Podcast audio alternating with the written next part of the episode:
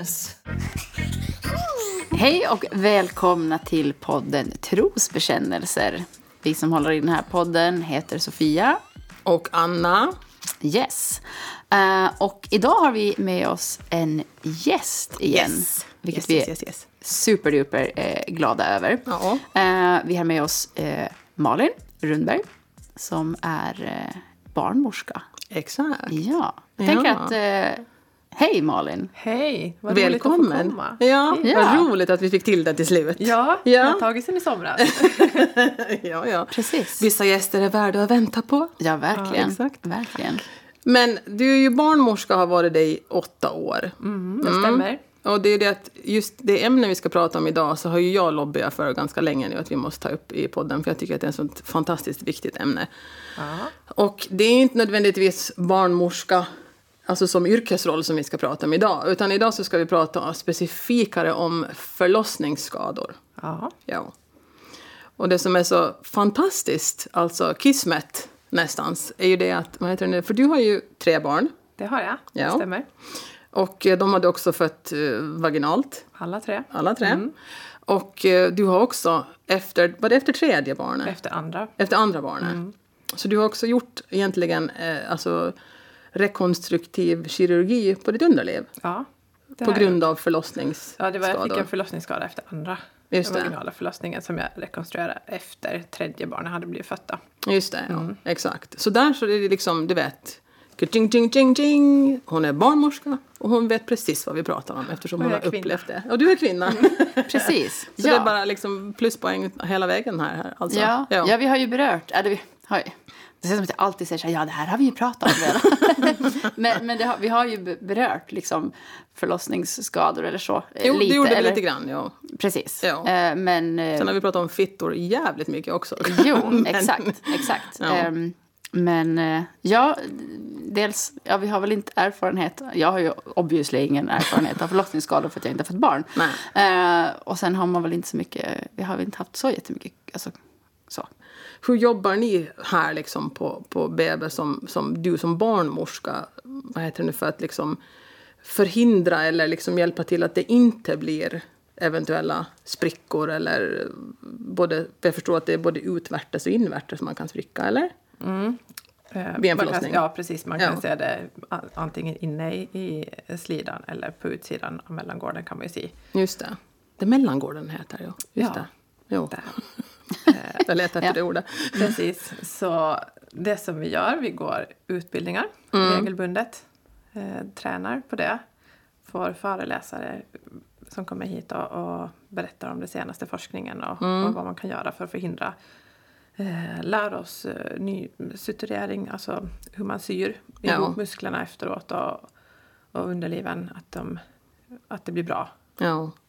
Så det gör vi. Och det som vi också gör är ju att vi alltid har ett samarbete med den kvinnan som föder barn. Mm. Så att det ska gå i ganska långsam takt, det här kryssskedet, det här sista skedet av, av det. förlossningen. När barnet faktiskt är på väg att, att komma För ut. det, det är viktigt det, alltså att det, är går långsamt. Att det Okej. går långsamt. Ja, varför Eh, det? Absolut inte för långsamt förstås, Nej. men lagom långsamt. Ja.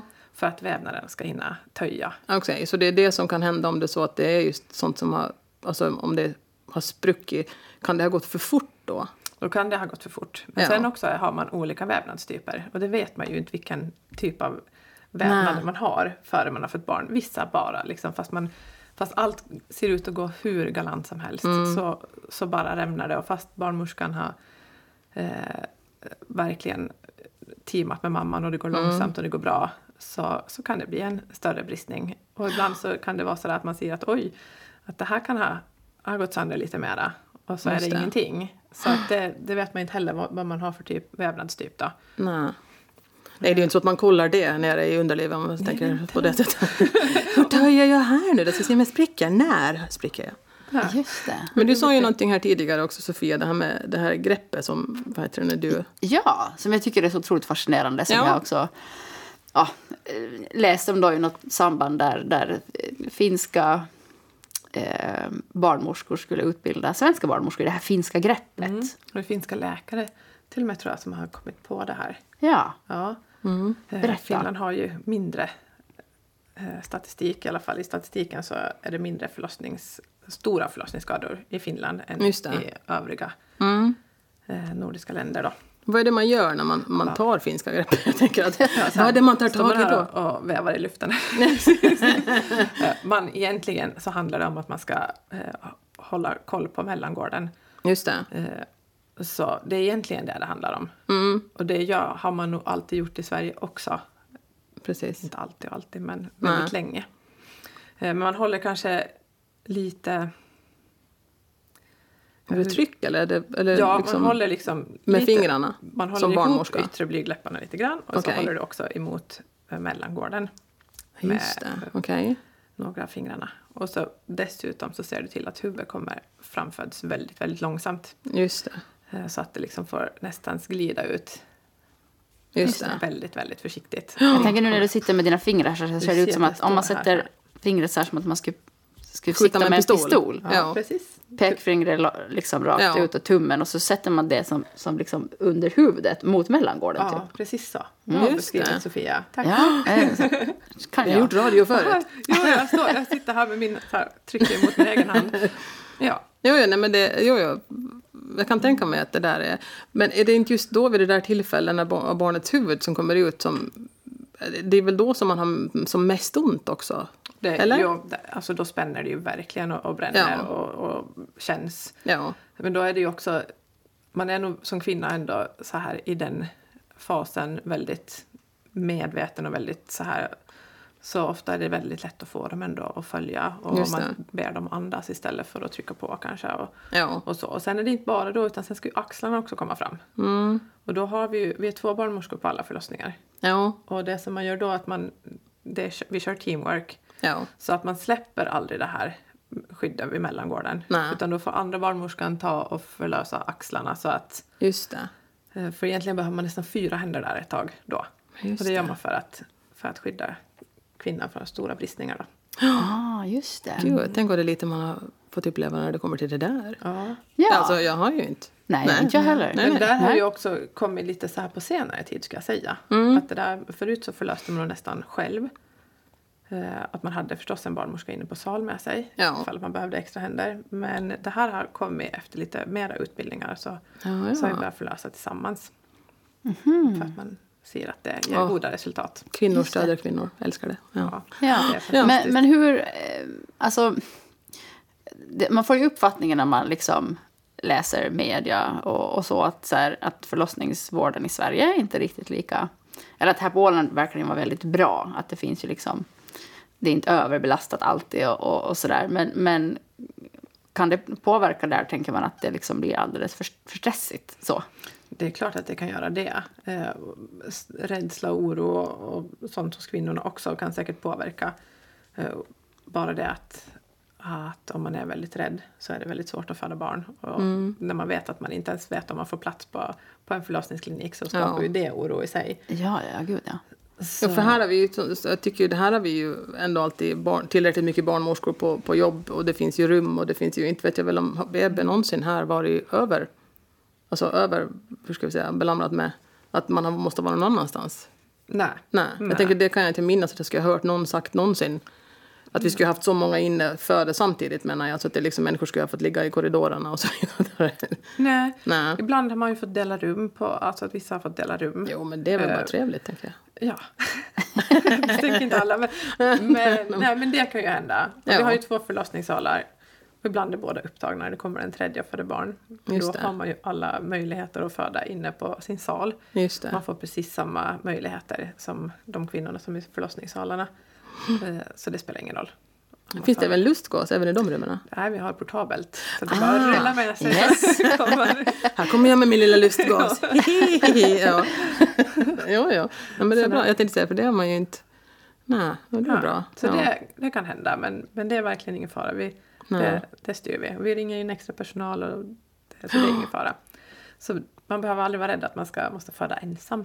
Nej, Nej, nej, jag tänkte säga det. För det måste ju vara, det, som du säger, just att till exempel i Sverige där man läser om att man får vara inne i typ en kvart efter att barnet är fött ungefär. Sen så sparkar de ut den. Och, Mm. Alltså det måste ju vara sån otrolig stress. Ja. för mamman, alltså innan man föder. Att veta att du liksom, jag ska in ungefär och föda på en toa om det finns plats. Och sen så skjutsar de ut mig typ med navelsträngen fortfarande kvar i mig typ.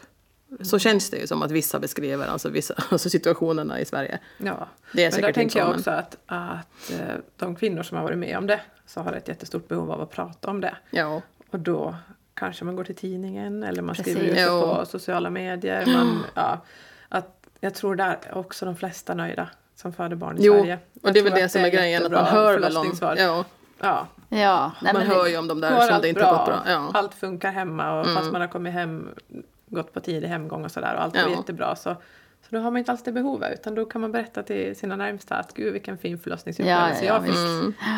Mm. Så jag tror faktiskt att det är bra att föda barn i Sverige. Jo, jag tror också det som sagt var. Men jag menar bara på att just den här alltså, skräckscenariot som, som målas upp i tidningarna ibland Mm. så är just det att jag tror inte att det, den risken finns inte här känns det som. Att det skulle bli på det sättet just att man blir Nej. utsparkad efter en kvart och så. Ja. Nej. Nej, nej. Ja, men här, Det finns precis, det. här finns det både plats, eh, portabel lustgas och det finska greppet. Exakt, jag tänkte säga det. Vad mer kan man begära? Allt liksom. Ja, nej, men det känns toppen. Nej, men mina kompisar eh, har ju liksom, de har ju så här varit på BB typ en vecka och chilla. Eller chilla, men sådär. Man har liksom hunnit, fått den hjälp man behöver helt enkelt. Man har, det som är ganska viktigt tror jag just i det här fallet som jag vad heter det nu, hade svårt med i och med att min, mitt första barn, min son, kom ju med akutsnitt. Det var just det här med att få, få igång am- amning, amningen. Att det måste ju sådana som inte får, får, vill vara kvar på BB längre, så de måste ju... Jag skulle tycka att själv hemma Alltså veta, är den igång nu, är den inte, hur, vad, alltså du vet. Plus att när man, får, alltså när man går igenom kejsarsnitt så tar det ju längre för kroppen att faktiskt fatta att den ska börja producera mjölk eftersom det är tydligen när, när barnet går igenom förlossningskanalen som det triggar vissa sådana här hormoner som du vet triggar mjölkproduktionen, sätter igång. Om jag har förstått det rätt. För Ja, det sen var, är det ju ofta lite det också att eh, kroppen tar något extra dygn på sig där eftersom man har ofta lite mer ont efter ett kejsarsnitt. det var lite så- större chock kanske också till Ja, kroppen. Så för att eh, få mjölkproduktionen igång så får man, behöver man oxytocin, som det heter. Just Ett det. hormon, ett så här, mm, och bra hormon. ja. Och ja, men första... Även vid orgasm får man inte också oxytocin? Ja, det får man. Och vid ja, beröring just och det. vid äta gott och värme. Dricka vin och... Men det, det, alltså det här med, med, med, för det vart jag helt fascinerad över att man också dricker typ en lättöl. Gör man inte? Det kan man göra. Nu blev jag så här, har vi ens det kvar? Jag vet inte. Ja. Jag gjorde nog inte det. Vissa menar ju på att det ska ge görs ut, men jag vet faktiskt inte hur mycket studier det finns på det. Det vågar jag inte svara på. Ja, men, jag, ja, men, men, Jo men alltså det, jo, jo, alltså det här Ja, med, med, jag trodde med det var ett öl, nej men alltså ett Nej. öl för, för mjölkproduktionen, det har man ju hört, alltså rent, alltså före jag ens funderade på att skaffa barn så var det ju det här med att man liksom hörde, ja folk sa Mm. det här liksom att ta, ta en öl liksom att det är jättebra för mjölkproduktionen och det liksom, du vet, typ som Ja. att bubblorna skulle bubbla igång allting och att det Ja. skulle, jag vet inte jag heller, men det är också något sånt, eller om det bara är finskt, jag vet inte. för att vi så gärna dricker öl. I don't know. allt i allt liksom. Ja herregud, nej. Nej, men så jag tänker i alla fall med, med att det svårt att få igång hamningen efter kejsarsnitt. Ja, det kan ta något dygn extra kanske. Mm. Men sen är det svårt med amning ofta ändå i början. Det är Ja. väldigt trixigt innan Ja. man... Det är inget som man bara... Vevar igång och tycker tjoho för det flöjt där, skitenkelt. Nej. Nej, det är Nej. inte så. Nej, för få, väldigt få tror jag. Ja. Så är det helt så här... ja, Bara som, en att trycka på en knapp och, jo nej nej. Och det, det, det var det som jag, jag vet inte vem jag pratade med, om, det, om vi tog det upp det i podden då tidigare, Sofia också, men det var ju, åtminstone så, så är det ju den här känslan av att när mjölken rinner till, är en känsla som jag, alltså till och med nu, alltså sittandes här i studion, bara jag liksom stänger ögonen så kan jag känna den här känslan igen. För det, det om någonting, alltså många andra känslor så försvinner sakta, vet du, att minne bleknar. Men den känslan av att när mjölken rinner till och det här ilande och det här konstiga, alltså trycket över brösten, alltså det, det, det går inte att glömma. Nej. Man kan få det till och med fortfarande lite så här när man hör, Jo. nu har jag barnskrik så ofta så att det har ju blivit lite jag säga. Ja. Men att ja, ibland så kan man, eller man ser någon så här väldigt söt baby eller att Ja. någonting så här, och då kommer fortfarande också just man känner det inte känslan men, Nej, här, men man minns finns den. väldigt Jaha. starkt. Gud vad fascinerande. Ja, det, det, Alltså- det glömmer jag inte bort, alltså det, ever tror jag. Jag menar min yngsta är snart nio så att jag menar då tycker Ja, man att man det. borde ha glömt bort det vid det här Ja. laget. En kompis som var, som var gravid så visade hon, eh, hon har överlag ganska liksom stora bröst. Eh, och hon bara, nu ska jag visa en bild så här, hur mina, mina, jag vet att du pratar med en annan kompis som, som, som är gravid just nu och så pratar vi just om det här med, med liksom När mjölken slår igång. Precis. Ja. Så sa hon bara, alltså jävlar. Hon bara, ni ska få se en bild. Så här, jag bara, ja, ja men liksom hur så här, mycket kan det synas? Så hade de tagit en bild på BB i spegeln så här, när då liksom mjölken rann till. Och vi bara så här, what? Ja. De var huge alltså. Ja. Så och de blir som jävla- boll, alltså det blir nästan som så silikon också för de blir så otroligt spända. Och jag vaknade Mm. upp en morgon ja, och kände av att fy fan vad obekvämt det var att ligga i sängen. Och stiger upp och så känner man på brösten hur de är helt så här heta och konstiga. Så de är riktigt så här, man bara holy crap och tittar man ner och bara holy crap.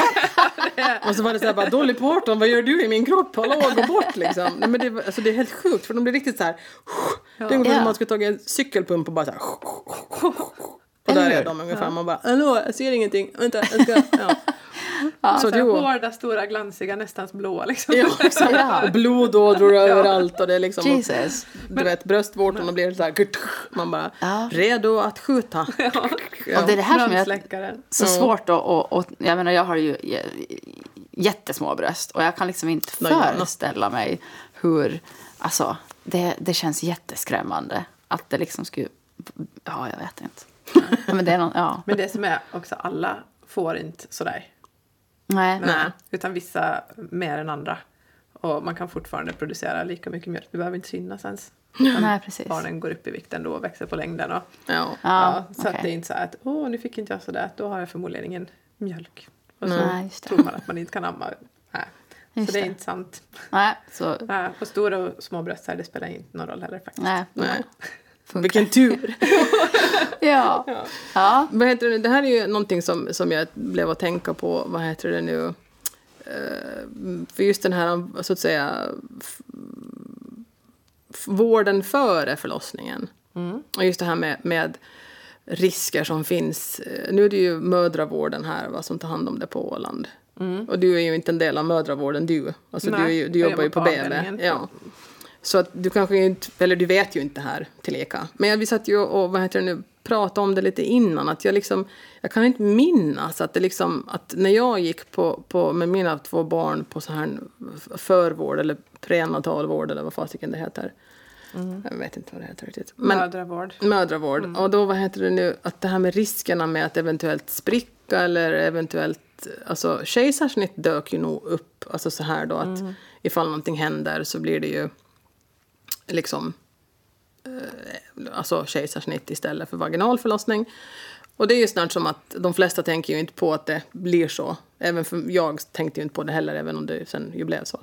Men just det här med att, att det känns inte som att det liksom diskuteras. Och alla behöver inte vara sådana som vill diskutera sånt här heller nödvändigtvis. För alla är inte sådana här som vill veta all information. Förstår du vad jag menar? Nej, är att ju. vet, vad är alla risker? Vad kan hända? Vad, vet du, så här, alla är ju inte sådana heller som vill veta det.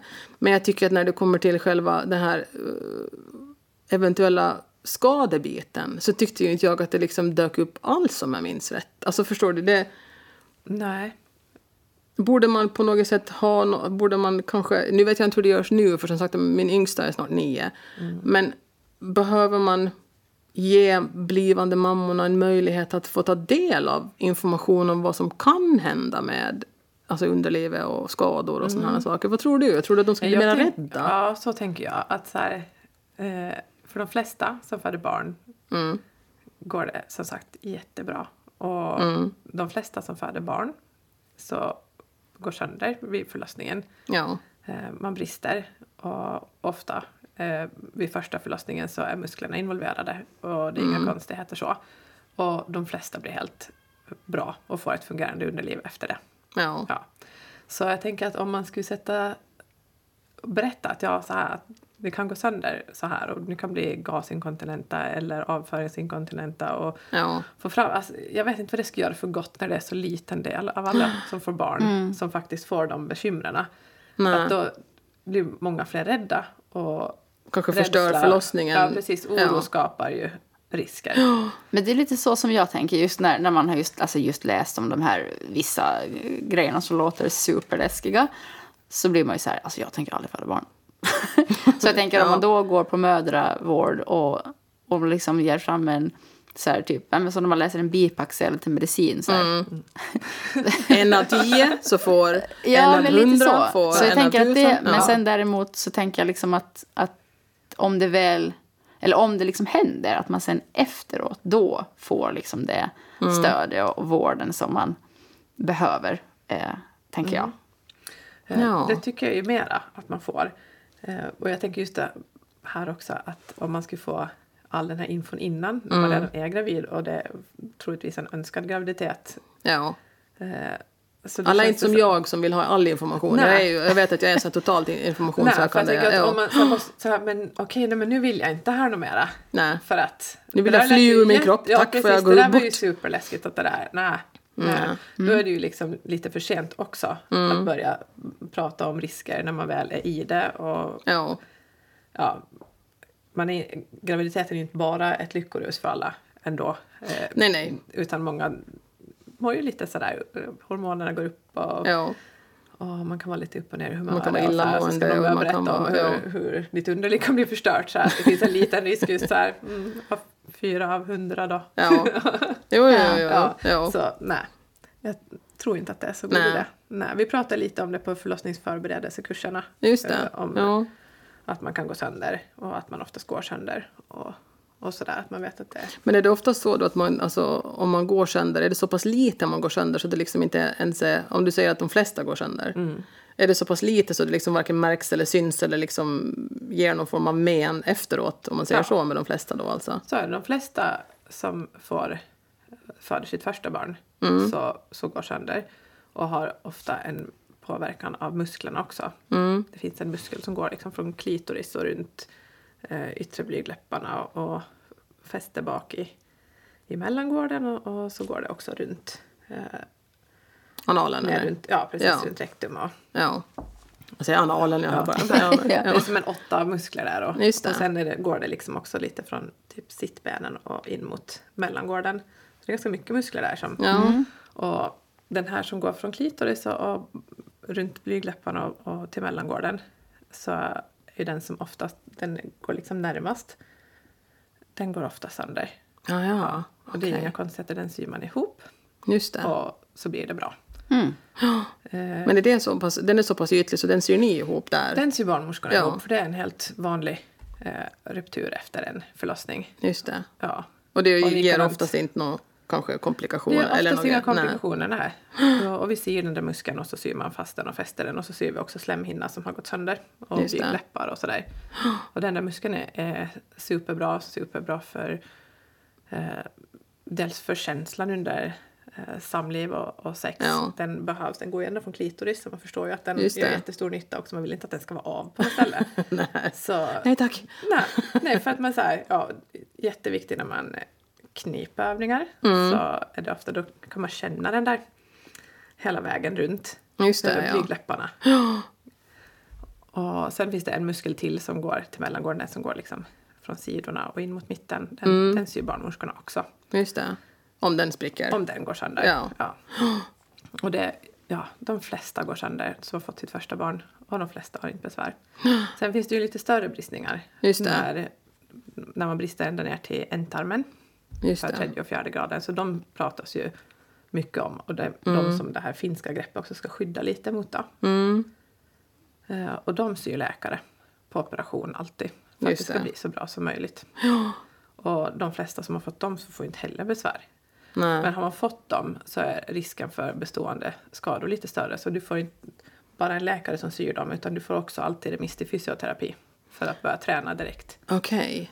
Just det. Just det. Jag tänkte säga det, det är muskler ju. Så det är klart att det måste man ju inte, det får man inte låta bara sådär vara. Utan det måste man ju lära sig att, Ja, Ja. och speciellt den där ändtarmsmuskeln är, är lite extra viktig att man får det att funka. Då. ja såklart ja. Ja. Gud, man vill ju kunna skita tänker jag. Ja, Eller? Ja, ja det är väl det och det att man vill om, kunna bajsa när man vill kunna bajsa. Jo. Ja. Inte att man kanske bajsar när det är så minst är passligt. Precis. Eller att man inte känner Ja, men att man måste exakt. bajsa eller sådär. Ja, det är de, de skadorna som man, har, som man har hört och läst om eh, som känns superläskiga när det blir liksom, alltså, antingen bajs inblandat på något vis eller att du inte kan kontrollera din eh, bajs. Bajsfunktion. Ja. Eller att man liksom, att det på något sätt, eh, att man får men som påverkar sexlivet. Mm. Liksom. ja. Och det är ju nog vanligt att det gör ont efter förlossningar. Men jag tänkte Alltså, säga, det måste man ju I nog ge början. det. Det är ja. ärrvävnad så att det är Ja. liksom Jo. lite stramt. Det, ja, man måste ta, låta det ta tid att läka. Ja. Man är gravid i nio månader så, så här, man kan inte vara helt Nej, man hoppar fit inte... for fight efter två veckor. eller Exakt, Nej, man kanske inte är veckor, utan- jättetaggad på, på att Sex, ligga nej. så mycket Nej. så snabbt. Nej. Nej, hormonerna är helt uh, ur balans fortfarande i kroppen, eller i balans för amning, men ur balans för det man är van med. Jo. När man har liksom ägglossning och mens och det kör Ja. på i det liksom, sådär Mm. som man känner igen. Ja. Så, Men är det oftast då som, som jag tänker på den här, som den här, den här tredje, fjärde graden som är ner till, till vad heter den, ändtarmen. Är det där också då som när man spricker inuti det här, alltså inuti slidan, som du sa i början? ja, fast det, det- kan man göra också det kan man göra också? andra första och andra gradens också. Okej. Ja. Men Så är att- det någonting som man också då liksom själva... Nu gör jag som ett in i ett hål här, men liksom, är det någonting som behöver man gå in då och sy liksom inne i slidan alls eller? Är Ja, det så först, man... först syr man ihop liksom musklerna och sen syr man också slemhinnan. Just det, ja. Mm. Okej. Så om man tittar, vi är ju supernoga, vi är alltid två barnmorskor när vi syr också. Mm. Så jag brukar alltid förklara för, för mamman sen att, att vi står alltid två och diskuterar, för de kan ju tro att det är första gången man gör det här. För Jag är mycket- praktikanten. Ja, om jag gör så här och så här och så här, ja, vad tror du om det? Men det är liksom Ja. bara för att vi, vi dubbelcheckar hela tiden. Exakt. Ja, ja. vi är alltid två barnmorskor för att det ska bli så bra som möjligt. Ja. Så, Jo, jo, nej, men alltså, det är skitbra det. Speciellt när det är muskler involverade. Så är det bara slemhinna så är det inte så att man behöver stå, ja för det är så himla det är så lätt- självklart hur man, den ska gå ihop. Ja, det är den, inte liksom ja. nå- något komplicerat på det viset. Nej. Och så fort vi ser att det är en, en större bristning som vi själva kan bli osäkra på så ringer man in läkare. Ja, Och, och då kommer de och tittar. precis Så det. att, eh, Ja. Just Gud, det. jag tänkte säga det. Det är skitintressant det här. Tänkte säga. Ja, men det är det. Men, Ja. men finns det något man kan... Jag tänker, finns det på något sätt man kan... Nu, nu pratar du ju om att, att man har olika vävnadstyper. Och, och att det, men, men finns det någonting som man brukar säga att man kan här, göra själv för att förebygga det? Eller? Men brukar man inte prata om tidigare, tyckte jag, när jag väntade mitt första barn, om att man skulle smörja in underlivet i olja? Ja, men jag tror inte att det finns jättebra studier på det heller. Att det gör Nej. en skillnad. Däremot så lär man ju känna sin egen kropp och det är ju många kvinnor som inte har ens vågat Alltså det finns kvinnor som inte vet ens hur deras underliv ser ut eller hur de funkar Nej. eller att man har en livmodertapp eller att man... Det, finns, det är jättevanligt faktiskt. Jag Är tror det att det är så? mindre och mindre vanligt nu men det, är, det förekommer ändå. Men herregud kvinnor, sätt er på en spegel för guds skull. Jo men verkligen, det Riktigt. finns Ja. många som inte, som inte har gjort det, Nej. har sett sina underliv. Ja, då måste det ju vara jättesvårt att... Ja, då kanske man Ja. inte heller känner igen det efteråt heller. För man såg, vet inte hur det såg ut Nej. före. Ja. Men vad hände med den här 70-talsfeminismen? När man satt Ja. med ring, kvinnor med speglar. Titta. Ja, titta. Ja. ja. Det är lite synd. Faktiskt. Ja, men det tycker man jag ju. inte Men kollar att, att, det menar, ja, och man förstår ju givetvis att det är lättare för män som har kuken utanför att titta på den. De behöver Ja. bara böja sig ner så är den där. Ja. Men jag menar, och, och det är svårare för oss givetvis. Ja. Men det är det att hallå, det finns ju sätt att se den ändå. Jo, jo. Speglar. Nu har vi ju- golvet så, men... Men vi har ju telefoner som har kameror. Mm. Ta en bild. Skicka åt dig då om du inte... Skicka åt sig själv. Skicka åt sig själv. Jag vågar ingen se på den här nu. Jag bara skickar den på mail så ser jag på den läs senare. Nej men liksom, det finns ju sätt liksom. Och det är ju jätteviktigt det där. Ja. För att jag menar, hur ska du till exempel veta om du har förändringar någonstans då? Alltså du vet, tänker jag på, Nej. alltså, om du inte vet hur den ser ut från början. Nej, men ändå liksom våga lära känna sin egen kropp. Ja, Man, Man ska måste ju ju veta. vara med den hela livet. exakt. Exakt. Ja, Fiffi vill man kunna använda hela livet också. ja men så är det faktiskt. Ja, precis. Men, men så, så det här med, med liksom oljor och sånt, det, det, men att, att andra sätt att förebygga kan man liksom inte. Ja, jag tänker att det som... Skulle jag få spola tillbaka tiden och göra någonting så, så skulle det vara knipövningar. Ja, ja. Inte vet jag hur det var i ert högstadie, men jag kommer ihåg i alla fall att, att vi fick gå till preventivmedelsmottagningen när jag var 14-15, så här skolbesök. Och då var hon så här, började man så här knipövningar och man bara, yeah, yeah. Jag är ingen gammal, jag är ingen gammal kossa, ursäkta mig nu men ja. Nej, men det är så här, det borde man ha gjort. Det borde man ha gjort. Haft ett starkt underliv, starka muskler. Ja. Så, eh, det kan vara att man får lite eh, ja, men längre krystskede, men så här, det är bra med, Men då det är känner bra du med väl- friska Mm. muskler. Jo, är att du känner väl igen dem bättre tänker jag. Om man gör knipövningar så känner du ju kanske till liksom när du klämmer med vissa eller vet du, förstår du? ja. Att det, det, då tycker jag att då skulle man kanske lättare komma till det här krysset, att man skulle förstå liksom vilka muskler man använder och liksom hejda sig när man inte Ja. får trycka och vet du så här. Ja, kontroll. Kroppskontroll. Exakt, ja, ja. Och dessutom efteråt, när man igen ska börja göra knipövningar, för då blir det ofta lite viktigare. För då har man märkt att så här, shit, det var lite svårt att hålla tätt nu när jag skulle gå och kissa, så började det rinna innan jag hann satt mig på ringen och, Mm. Ja. och sådär. Och då, Eller som mig när jag gör X-hopp på träningen, det går inte för jag kissar alltid lite grann på mig. Ja, Nej men jag gör det. ja, Alltså, men det, då det, det ja. kan man ju gärna dem. Ja. Ja. Men Jag X-hoppar här- väldigt så här lite, så här hoppar jag lite bara. Så här, fem cent åt sidan, bara åh hej. Flaxar desto mer med armarna Exakt, ja. Precis, yes. Nej, men så, så det tror jag, för det, då är det bra efteråt också. eh, Att Mm. men man känner skillnad. eh, Att, och att man känner att man blir starkare och att man kniper rätt. För Just det är det. inte en självklarhet. Att, alltså, det är många kvinnor som tror att de kniper fast de egentligen krystar.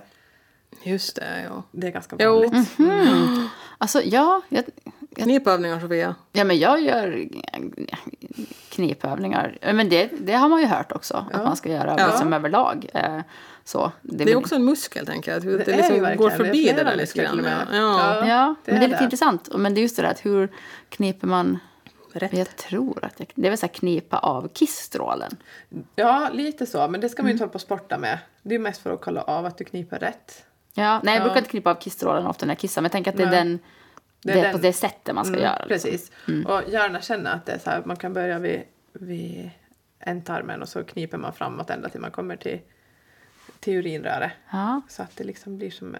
Ja, lite, Nu sitter det, vi alla här då det hela, ja, jag tänkte just, men Ja, alla sitter och känner man- efter. Jo, det, vänta, det bör man knipa när man pratar knipövningar. Det är absolut så. Ja. Jag tänker inte på färgen blått ungefär. Alla bara blått. Bara, ja. Nej, men det, men det är för, det är för att man ska använda hela åttan av muskel då. Alltså Ja, den där åttan precis. som du sa Mm. som går runt just Ja. rektum och, och liksom själva slidöppningen då. Ja. Ja. Att det är den som man ska använda alla de Ja, musklerna. och man kan också hålla på och sporta med. Det finns ju jättemånga olika typer av knipövningar. Man kan ju också Mm. sporta med att knipa bara ändtarmen och bara urinröret och bara slidan. Så här lite. Känna att du har Gud, kontroll. Precis. kan man göra det? Och jag Ja. tänker, Ja. åh gud vad mitt underliv är outvecklat här nu känner jag. Men där, jag brukar gå på pilates och då är det så här, det är väldigt bra liksom inre, alltså core, Överlag, ja. core och, och just, och, och då är det så här fokus på att så här konstant dra in naveln och spänna magen. Och sen säger de så här, och så kommer ni ihåg att spänna bäckenbotten så där som att det kniper kissstrålen. Jag bara, men det är jättesvårt liksom, att, att få hela den här muskulaturen med i de här olika Då tycker övningarna. jag att det är lättast att börja just med bäckenbotten först. Och sen Mm. kåren. Att man kör det steget. Ah, man gör att det ofta så här, andra, om du andra redan har pressat ner bäckenbotten för att du har spänt kåren så himla mycket så är det Ja. lite svårt. Så bäckenbotten först och sen kåren. Ah, Mm. Det ska jag testa nästa gång då. Ja. Men sen också när man har knipit eh, de här yttre musklerna. Känna eh, den här hissen. Att man Mm. lyfter upp någonting inuti. Ja. Och det är många som tycker att det här är superobehagligt och att det inte känns bra. Att det, Ja, plocka upp blåbäret som en av mina vad heter det, träningsledare säger. Litet. Ja, no, men, det, är den där, det är den där rörelsen med att någonting får upp, alltså Ja. plocka upp, alltså någonting. Ja, Ja, precis, du tänker så, ja. Jo, det, var, det, är nog så, eller det är nog så hon menar ju när hon säger det? Ja, Ja. ja. Ja. ja, nej så den känslan. Och tycker man att det är lite obehagligt så tror jag att det är bra att ändå fortsätta och fortsätta och fortsätta. Ja. Om man inte tycker att det är fruktansvärt obehagligt eller att det är smärtsamt då kan det vara bra att hellre söka hjälp då. Ja. Men om det är bara lite så här obekvämt och ob- Eller ja. en, en ovan känsla Ja, för egentligen det är bara. det ja. jag tror att det är. Så kör på. Det finns appar. Det finns en app som heter Tät som är gratis som eh, sjukvården rekommenderar. Just Jättebra. det. För att få lite påminnelser för att komma ihåg Att man ska göra det att- regelbundet. Jo men det, Ja, är det, där, det är det det där jag måste skaffa mig. Här sitter jag och pratar om mitt livmoderframfall och tänker det finns ingenting jag kan göra där, det kommer falla ur. Och sen bara hmm, vänta nu. Mina knipövningar, hur ofta gör jag dem då? Och Jo. speciellt när man går på, på gym och sådär. Ja. Så det är superviktigt för att det blir ju ganska hård belastning med Ja. både styrketräning och X-hopp och, och sånt. Ja, Hopp och Oh, studsmatta och sådär. Så då är de jätteviktiga. ja gud vet jag. Fan, det där måste jag, måste ladda ner den appen. Hasta la vista idag Ja. ja. Ja, jag kommer men, hem. men så man kan tänka kanske överlag då att, eller det är väl alltid liksom, det är väl alltid bra att och kanske träna lite eller så, men att, att man kan konstatera kanske då att det är bra att ha en, ja, va- ha liksom träna sina muskler. Att det är bättre, helt enkelt bättre att vara vältränad. Fast sen är det ju frågan vad är vältränad? Nu pratar jag inte om så här superfit, men liksom att man, att det är alltid bra att träna sin bäckenbotten. Det är det. Ja. Det är det, absolut. Tänkte säga, jag fick aldrig något tips när, man gick, när vi var till när jag var i högstadiet om något sånt. Eller det är helt främmande Nej. för mig. Men det är bra det att du, alltså, du är ändå yngre än mig så Ja. det tyder på att det har skett utveckling där i Ja, det, jag inom det hoppas. området, också sexual. Jag hoppas det fortfarande. Ja, jo, hoppas jag verkligen. Ja. Och jag annars är det då bara, nej, det skiter i den här, vad fan är den här för Men jag något?" tror det kommer, kommer också i kontakt, eller fundera just på knipövningar som, för att man pratar om att, ja, men just att ha, ha koll på den muskulaturen också, att sexlivet blir bättre. Eller att man Exakt kan det, få liksom, Ja. Så. Mm. Just den här lite, lite kramande känslan för mannens penis. Ja, Plus att det är lättare skull, med orgasmer absolut. också. Det är det. Ja. Ja. Med, ja. Ökad känsla för kvinnan Ja. också. Tips. Ja. Ding, ding, ding. Ja, de där geishakulorna har vi pratat om. Ja, geishakulorna har vi pratat om. Jo. Jo, Ja. Det är också sånt som man borde ja, men kanske. det är ju lite ja. så här, då jobbar ju de bäckenbottenmusklerna. Ja. Mm. Så att det, Så ja, det ja. är tips. Har du någon aning om, vad heter det nu, när det kommer till, till eh, hur många ungefär eh, som söker hjälp? Får ni alltså överhuvudtaget möta sådana som söker hjälp för just skador efter förlossning som inte kanske, alltså som inte kanske har blivit fixade eller liksom på rätt sätt eller sådana som har komplikationer efteråt som kommer sen tillbaks till, till, till gyn. De kommer kanske inte till BB antar jag. Men de Ja, kommer väl... gynavdelning. Vi jobbar, Ja. Det är ju gynpatienter, BB och förlossning på, på våra Det är ju det, på samma. här, Det, på gud, det är så länge sedan jag var där Ja. så att jag minns inte har den riktigt. förmånen att vi får jobba med, med kvinnor från tidiga tonår till resten av livet. Liksom. Just det, ja. Det måste vara skitbra. Eh, Men alltså, hur må- nej. är, är det många som kommer dit som, som behöver liksom... Som, Alla kvinnor som har fått barn Mm. så får möjlighet att gå på efterkontroll. Det är Ja. faktiskt så att det är lagstadgat om du ska få din moderskapspenning så har du måste gått på din efterkontroll ja. i Ja. Finland. Eh, Det kan ju på ett vis kännas som att, att det är lite förlegat att man inte får välja själv. Mm. Men det är ju verkligen för att få fånga upp de kvinnor som har besvär. ja, Och de som har fött, eh, helt, haft en normal förlossning så, så går till barnmorska på efterkontroll. Där man tar upp, och då frågar man också upp om ja, dels om samliv och, och sex och dels också om, om man har fått eh, jag menar, inkontinensbesvär, om det känns bra. De tittar också, gör en vaginalundersökning och ser hur det ser ut. precis ja. ja. Och sen kan inte jag säga hur många som, som kommer så långt att de måste bli opererade igen. Det, Nej. det kan inte jag svara på hur många som är på den här ön. Men det, fin, det måste väl finnas sådana i alla fall som... det alltså, finns det absolut. Ja. ja. Ja, det finns det. Men första steget är ju inte operation. Nej. Utan det är ju det sista. Eh, har musklerna gått av så är ju operation. Det är väl det enda som fixar det, Fix, tänker jag. fixar ihop musklerna. Ja, absolut. ja, precis så är det. Att, Ja. Och det kan ju vara så att, att, eh, som i mitt fall till exempel, så hade ju muskeln sytts ihop men stygnerna gick upp. Så. Ah, just det, ja. Ja, Eh, men, det kan ju men, vara min kropp som bara reagerar på, Ja, på det så. ja. Så nu har man sytt ihop muskeln eh, igen Just då.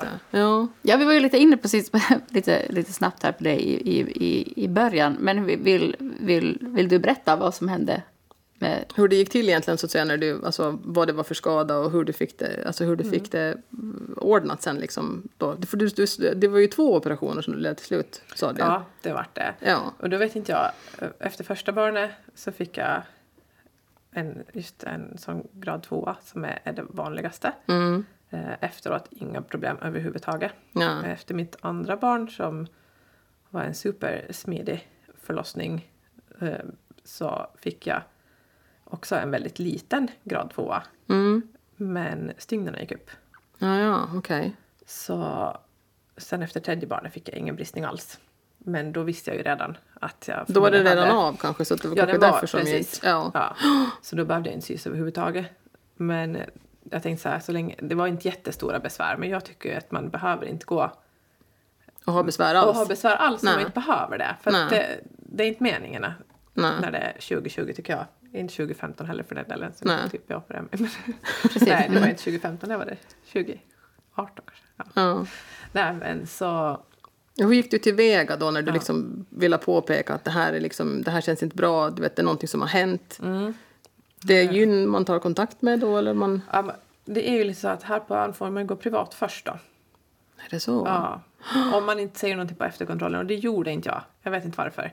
Nej. Jag hade det ändå men jag tänkte att det så här, jag väntar nu och det här första året och kör de här knipövningarna och SIVA som Ja. blir bättre. För det är ju faktiskt så att, att det är första steget. Mm. Eh, och det är också första steget innan, fast man vet att man ska ha en operation så är det ju mycket bättre igen att träna upp musklerna först så att det Ja. finns någonting för, för läkaren att jobba med. Ja, precis. Att, det. eh, det är ingen så här quick fix. Det, det är inte, och det är det inte. Fast det är väl ingen ut. operation, nej. nej. Det är Nej, en, det, efter en nej. graviditet och förlossning så, så finns det ingen quick fix med hela kroppen. Utan man måste låta det ta tid. Låt Ja. det ta det där första året. Ja, man, man tappar inga 25 kilo på sex veckor som vissa Hollywoodstjärnor gör heller. Nej, man exempel. gör verkligen nej, inte. Nej, man gör inte. Och de har förmodligen också kissproblem när de hoppar X-hopp, ja. Det har Ja. de. Så, så här, man måste låta det ta tid. Och då är första steget att träna bäckenbotten. Fast man vet att så här, men jag kan inte göra det för jag har musklerna. Men man har många, flera muskler där. Så Mm. träna, upp, träna upp det man kan. För att det finns mer att jobba med då. Mm. Eh, Och har man inga de besvären så man får ju remiss till fysioterapi i första hand. Ja. Om det är så att det är urinläckage eller eh, inkontinens, gasinkontinens eller avföringsinkontinens eller att man bara inte hittar Nej. eh, Känslan. Nej. Nej. Så, så är det ju fysioterapi i första hand. För det andra är ju trots allt en operation. Mm. Så att det är ju sista steget Ja. egentligen. Eh, Men jag gick eh, först privat och så gjordes det privat. Och, och det blev mycket bättre. Men jag var ändå inte... Jag var inte supernöjd. Jag hade fortfarande så här lite tyngdskänsla. Mm. Lite så här skavande känsla. Okej. Så då gick jag eh, till OHS istället. Mm. Och på en, ja, för att jag tänkte att privat kostade ganska mycket mera förstås. Eh, jo, ja. det gör det ju. Ja, och, Ja. och, så då gick jag till OHS och, och så var inte musklerna helt ihop fortfarande. Nej, precis gjorde man om det. det. Och, och då blev det bra. Mm. Precis det, ja. Ja.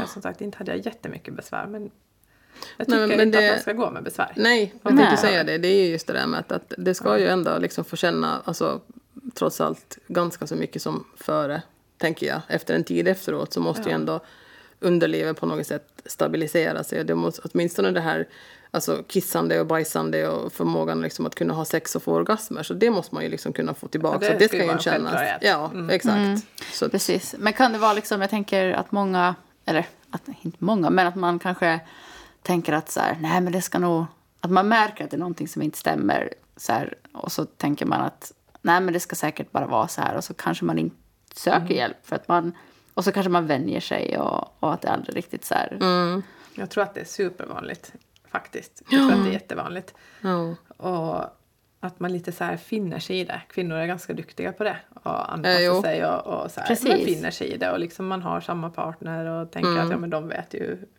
hur det ser ut och hur, Hur det känns. känns. Och, Ja. Ja. och så där, de är nöjda med det. Och, ja. mm, Men jag tycker att, att om man ändå får liksom att, att det stör en i vardagen och speciellt så här, den här tyngdkänslan som kan komma att det faktiskt blir ja, så att man inte riktigt kan fokusera på det man ska göra för att det skaver lite eller just som man ska fara och träna och det skaver lite mer speciellt vid mens och ägglossning så kan det bli extra tydligt. Att, ja, att det blir lite jobbigt att gå på spinningpass eller det Mm. bara så här håll på att lyfta tyngder och så där så känner man att det, nej, det Någonting som håller är inte emot liksom. Nej. mm, Men jag tänkte, jag undrar hur, hur, vad heter det nu, hur, alltså missförstå mig rätt här nu, men jag undrar hur lätt inom citattecken det är för en kvinna att komma in med de här besvären, säg två, tre, fyra år efter en förlossning och säga att det är liksom någonting som inte är okej. Alltså det, du vet att det, det, vad heter det nu, det är någonting som är fel. Jag undrar hur, liksom, hur lätt det är då att få en remiss för att faktiskt få en operation.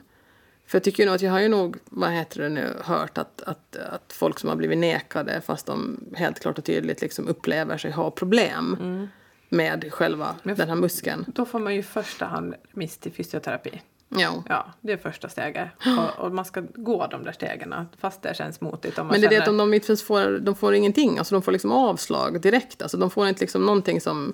Alltså jag, vet, jag vet ju en som, som vad heter det nu, var till, till gynekolog där det, där det var en manlig gynekolog som, som kände då på hennes eh, förmåga att klämma och vet du allt det här då så ungefär. Så han var ungefär, äh, du känns ju som alla andra du ungefär, sa han. Och så fick han, hon avslag på... Ja, Ja, alltså Det är det, det är okej. liksom, nej, och, nej det är verkligen det är inte okej. nej. okej. Och det var liksom, och då blir jag att tänka så här ungefär, men om, men om han tycker att hon känns som alla andra, att hur många går omkring där ute då med liksom problem med, vet du, förstår du hur jag tänker? Ja. Att då jämför han ju inte med kanske en, en, vad heter det nu, en kvinnas sleda som faktiskt är liksom intakt. För jag vet sen att den här personen fick också alltså remiss till operation för hon var, alltså hennes muskulatur var av. Ja, precis. För hon fick sen en second opinion från en annan gynekolog. Som helt klart sa ungefär att nej men du, du, har- du har ju liksom, du är ju helt av. Alltså du kan ju inte ens, alltså klämma någonstans för att du, du vet liksom inte, den är ju av. Nej, och en muskel som är av funkar Går ju förstås inte som Nej. den ska. Och då blir jag liksom att tänka på den här första gynekologen och då blir jag sådär ungefär att jaha men hur, alltså hur märkte inte han det då? Nej. Vet ni, då, hur bra är lite han på sitt jobb? Alltså, Ofta så går det ju, som du sa, en tre, fyra år, fem, Mm. kanske ännu längre innan man Vågar. jag vet ju kvinnor som kommer som är, är ja, men 50, 60, 70 Mm. och då liksom börjar söka ja, för sådana besvär de har fått vid förlossningen eh, för många, många år sedan. Ja. Så det är jättebra att man tar tag i det och söker. Då hoppas jag ju, så här, vill ju tro att, att man ska få hjälp. ja.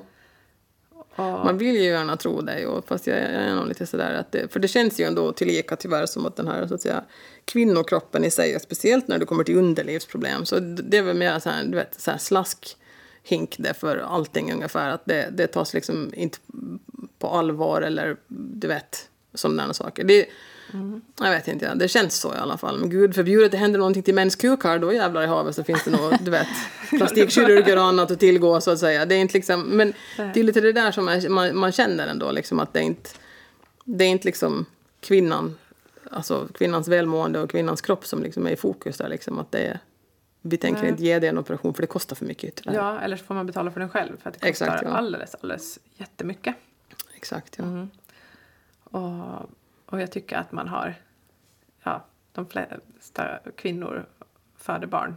Mm, De flesta får i och för sig inte något besvär, men jag tycker att, att det borde vara en rättighet att få det Absolut. åtgärdat om det har Ja. blivit några skador. Och heller inte, kanske heller inte bli hur ska jag säga, ifrågasatt när man kommer med den problemet. För jag kan tänka mig att det, för vissa människor så måste ju vara en otrolig, alltså jobbig grej att måste komma med såna här besvär. För mig skulle det inte vara några problem. För, så, för sån är jag. Men jag tänker, ja. men, men jag menar för, för, för många kanske det inte är någonting som man är så här jättebekväm i. Att alltså våga ta tag i och våga gå och prata med främmande människor om att du vet, sexet känns inte som det gjorde förut och du vet, det känns inte som det ska. Jag får liksom ingen kontakt överhuvudtaget med mitt underliv och sånt Det kanske inte, liksom, många kanske inte är inte bekväma med att prata om sådana saker. Då tycker jag liksom, då är ju sjukvården också en skyldighet att liksom ta varje uh, patient eller person som kommer på, på allvar. Liksom. Att man ska inte negligera deras liksom, ungefär att Nej, det får man inte göra. Nej. Och då ska man ju kunna förklara också. ja, Eh, jag tycker att, att ja, men som vi alltid gör och som jag vet att våra doktorer också gör, mm, eh, använder speglar. ja, Ja, pratar vi om samma sak. Eh, titta, så här ser det ut efter förlossningarna när man har sytt Ja. så här. Eh, så här ser ditt underliv ut nu när du går hem härifrån. Mm. Att du kan ju kolla lite med spegel hemma och Ja. ja, Svullen är man ju efteråt också så att det... Ja, efter förlossningen, så, precis ja. det är man. Men det känns ju ofta mycket, mycket svullnare än vad det ser ut sen när man tittar med spegel. För det känns ju verkligen jätte, jättesvullet. Ja, Och så tittar man med spegeln och bara, "Jaha, var det med sådär? Eh, Men det är ju ändå bra att man kan följa med lite själv. jo, absolut. Kvinnan som behöver lära känna sitt underliv, tänker jag. Och, Alla. ja, precis. Ja. Och det vet jag att läkaren gör också. Pratar vi om samma sak? Var känns det konstigt? Var? Ja. Mm. Mm. Så jag Ja, hoppas det- och, och ja, Vill tro att det... vill ja. tro att, att kommer man till ja, så, så ska man ju få den hjälp. Jo. Jo, nej, jag nej, absolut. att, det, att det går framåt hela tiden där då. Mm. det, ja. Ja, men det känns ju som att man alltså, jag tänker när du sa att det kommer in kvinnor som är, alltså, övre medelålder och äldre, så Ja. då, på den tiden tänker jag att det säkert såg ganska annorlunda ut just med så här, eftervård och Säkert. Ja, men ja, och att liksom ja. känna att nu är det något som inte stämmer och jag vill ha ett fungerande sexliv. Det är liksom min rätt. Ja. Eh, Så det ser förmodligen jättemycket annorlunda ut idag. Att man ja, så här, det gör ja. det. ehm, mm, Och där vågar man säkert absolut inte prata med en endaste människa. Nej, men exakt. Kanske inte sina väninnor, kanske inte Nej. syskon eller ja men ja, Kanske, precis. kanske inte ens sin partner heller. Man vet nej, inte. utan man kanske Nej. bara undvek och, och ha Ja. sex efter det för att För att man Ja, tyckte att det bara var precis. konstigt och kändes konstigt. Mm, ja. Men hur är det med, med, med, med, med er? Pratar ni, ja, nu pratar inte du kanske så mycket om du vet, efter förlossning, men överlag pratar man om sitt underliv med sina vänner? Och så pratar man om, nu tänker jag till exempel på att Malin pratar du om ditt underliv efter förlossning. Och jag vet att jag menar, du Sofia pratar ju ändå relativt öppet med dina vän, väninnor, vad ska man kalla det, vänner, om liksom underlivet överlag, om det är någonting som känns som att det inte stämmer. Men vågar man prata om såna här saker när det kommer till efter förlossningar? Att det är någonting som inte känns okej? Det, det vet jag ju inte så här i... Men du och dina vänner gäng- då, eller? Ja, vi pratar ju om underliv. Ja. Och vad som känns bra och inte bra och hur det har blivit och förändringar och sådär. Mm. Eh, Jag tror inte att alla är så. Det Nej. tror jag inte. Jag möter ju många kvinnor på jobbet som, som inte... Ja, men som kanske har större integritet och inte är bekväma och som ens tittar på sina underliv och än mindre pratar om det. Har kanske inte ett namn på sin snippa eller... Våg- det finns inte liksom. Nej. Så jag tror inte att det är helt vanligt i alla kretsar Nej. att man pratar om det. Så att jag, men jag, har ju, jag tycker det är synd. Jo, absolut, tycker jag med. För det är samma sak som med spegeln. Alltså, pratar Ja. man inte om, eh, alltså med vänner som man litar på om eventuella problem man har så vet man inte, alltså hur ska du då kunna få liksom, hur ska vi säga, goda råd eller du vet, sök hjälp eller, alltså förstår Nej. du?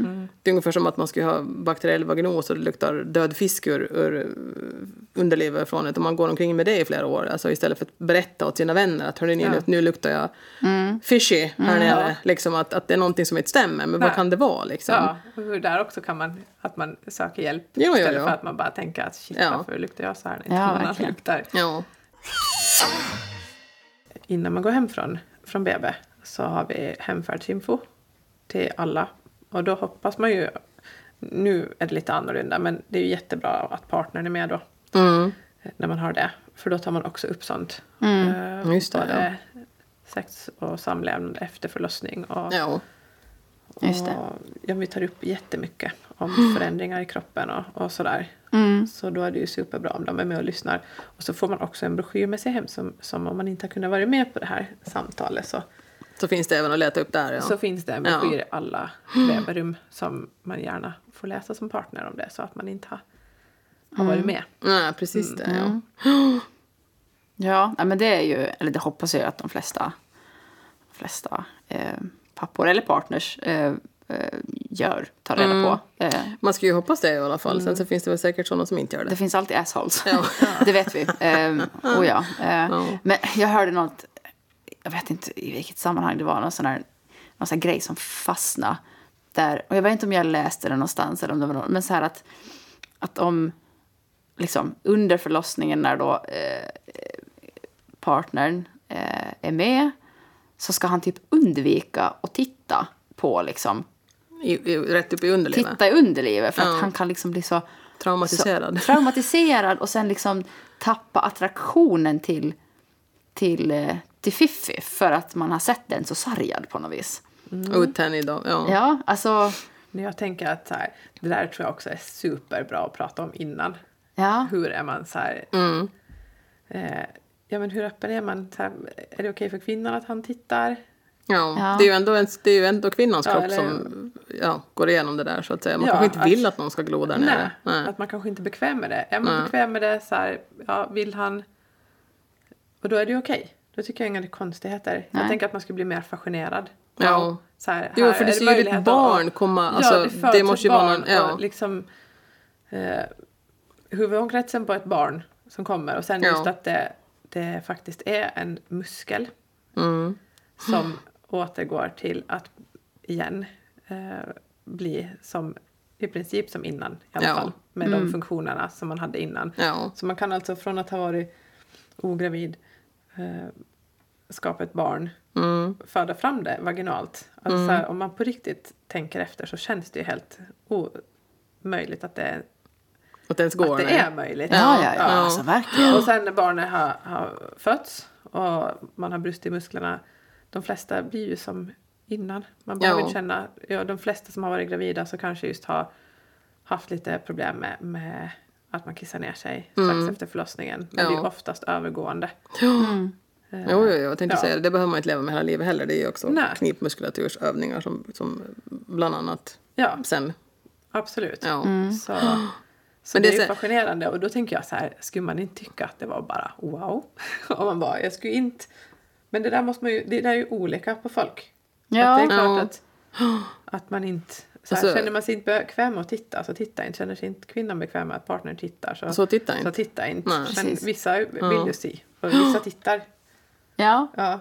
Sen, sen kan jag också tycka att just det där i, i det skedet, så att, alltså, man kan ju förstå att, att, att, liksom att, att partnern kanske skulle vilja gå och se just för att, för att han vill se sitt barn födas. Just där är liksom födelse, liksom stunden. Men samtidigt så kan jag också tycka att just det här med, med pappornas alltså roll så är väl ändå också att stödja mammorna i sitt arbete. Och då kanske också pappan behövs vara runt vet du, huvudet, runt, vet du, nära henne liksom, och Ja. hjälpa henne liksom, på det sättet. Att då kanske inte heller finns nödvändigtvis tid för han att bara vänta här älskling, jag ska bara gå ner hit en sväng och kolla lite grann. Alltså Nej, förstår du? Att då Jag tänker kanske- att då måste man ju kolla uppifrån. Ja. Ja, man står vid, vid kvinnan Ja, så kan man och lite stöd, stöder henne så att säga. Ja. Ja. Ja. Nej, absolut. Ja, nej, man behöver det har ju du helt rätt i, ja. De är, Partnern är där för att... Stödja För kvinnan att sen när hon jobbar. Ja där, liksom, där bestämmer kvinnan Jo, allt, tänker jag. Det ja. tänker jag också. Jo. Han skulle bara våga. Det är då man, Ja. det är då man vet nu förvandlas till den här... Ja, men jag fattar att det säkert också är lite, måste ju vara typ så här, lite jobbigt för, eh, för partnern och bara okej, så vad, vad ska jag göra? Vad, vad, liksom Ja. att, det är säkert, jag vet inte, att försöka vara, vad det är, ja, och bara, Sen inte. kan det ju finnas sådana partners också som sagt var är rädda för blod. Är, alltså du vet är jättekänsliga för, ja, men för är det pappor som svimmar kroppsvätskor och- ofta? Ja, nej, inte ofta. Nej. Det finns det inte. Det är klart att de finns. Mm. Som blir lite, ja, Blir lite vita lite i. tagna. Och, Ja. och man får hålla koll lite på, på dem också förstås. Att de inte går däckar. Där är, du, och så är man lite förlossningsrädd som, som partner så, så kan det vara bra att ha en backup-plan. Mm. Precis. Man har Just någon bara, det, ja. kan hjälpa ibland faktiskt. Får, man Ja. ha, får man ha med sig hur många som helst i ett Inte i förlossningsrum? coronatider. Nej, nej, just det. Nej, nej. Men i, nor- i normala fall I normala fall får man ha två med sig. Okej, just Okej. det. Partnern, eller två stödpersoner får man ha med sig. Sen får man ju välja precis fritt då förstås. Jag kommer Ja. med på din ja, Sofia. Du har ingen talan. Jag är med. Ja. Ja, Jag, men jag har faktiskt funderat, funderat en del på det där. Alltså, eh, om, eller för det första har jag svårt att förlika mig med att ens genomgå en förlossning. Men tillika som jag håller på och, och, och någonstans tänker att, att det kommer att ske. Liksom. Och jag tror ju att jag vill det, men fortfarande tanken på det att jag skulle liksom... Det är så sjukt. Men, men jag är så här... Alltså var skulle... Var skulle min partner... Alltså det är nästan så ibland som jag känner att det här är någonting jag skulle vilja göra själv. Jag vet inte. jo, Men sen- det kan jag. Men det är, ju, det är ju du som jobbar och det är, rätt, det är många som säger också, alltså, som man pratar med, just om, alltså, som, som har gått igenom en, en vaginal förlossning, vilket jag inte har. Så att de just går in väldigt så jättemycket i sig själva och det är nästan så att de inte liksom, de minns inte ens att den här partnern ens har varit där vid vissa tillfällen. Liksom, Att de är så otroligt fokuserade liksom, på sin kropp och hur den jobbar och liksom följer med och de enda de ser är typ barnmorskorna så här. Har man ju hört i alla fall att det har varit just, just med det, att man känner att man är väldigt ensam i sitt arbete fast man inte är det. Kvinnor ska inte behöva gå omkring med förlossningsskador av varierande sort. Nej. Utan de ska kunna få återgå till att känna sig normala i sitt underliv. Ja, det ska fungera. Ja, exakt. Precis. Både med kissande och bajsande och sexa och allt. Ja. Yes. Och hoppa Ja. extra. Nej jag ska. Ja. Lite si och så med det då. exakt. Men, Yes. Men vi- också att det oftast går bra. Jo, För, att- exakt det. för ja. att kvinnor och kvinnokroppen är ju helt jävla amazing. Fucking suveräna är vi. Ja. Jo. Men tusen tack Ja, Malin verkligen. Rundberg, barnmorska och mamma till tre barn. Som Tack. har kommit som hit som gäst ikväll. Det var jätteroligt. Gud, tack så Mm. mycket Malin. Men med det så säger vi väl hej då väl va? Eh, ja. Jo. Och ta hand om varandra. Och gör ingenting som ni inte själva vill. Puss och kram. Puss och kram.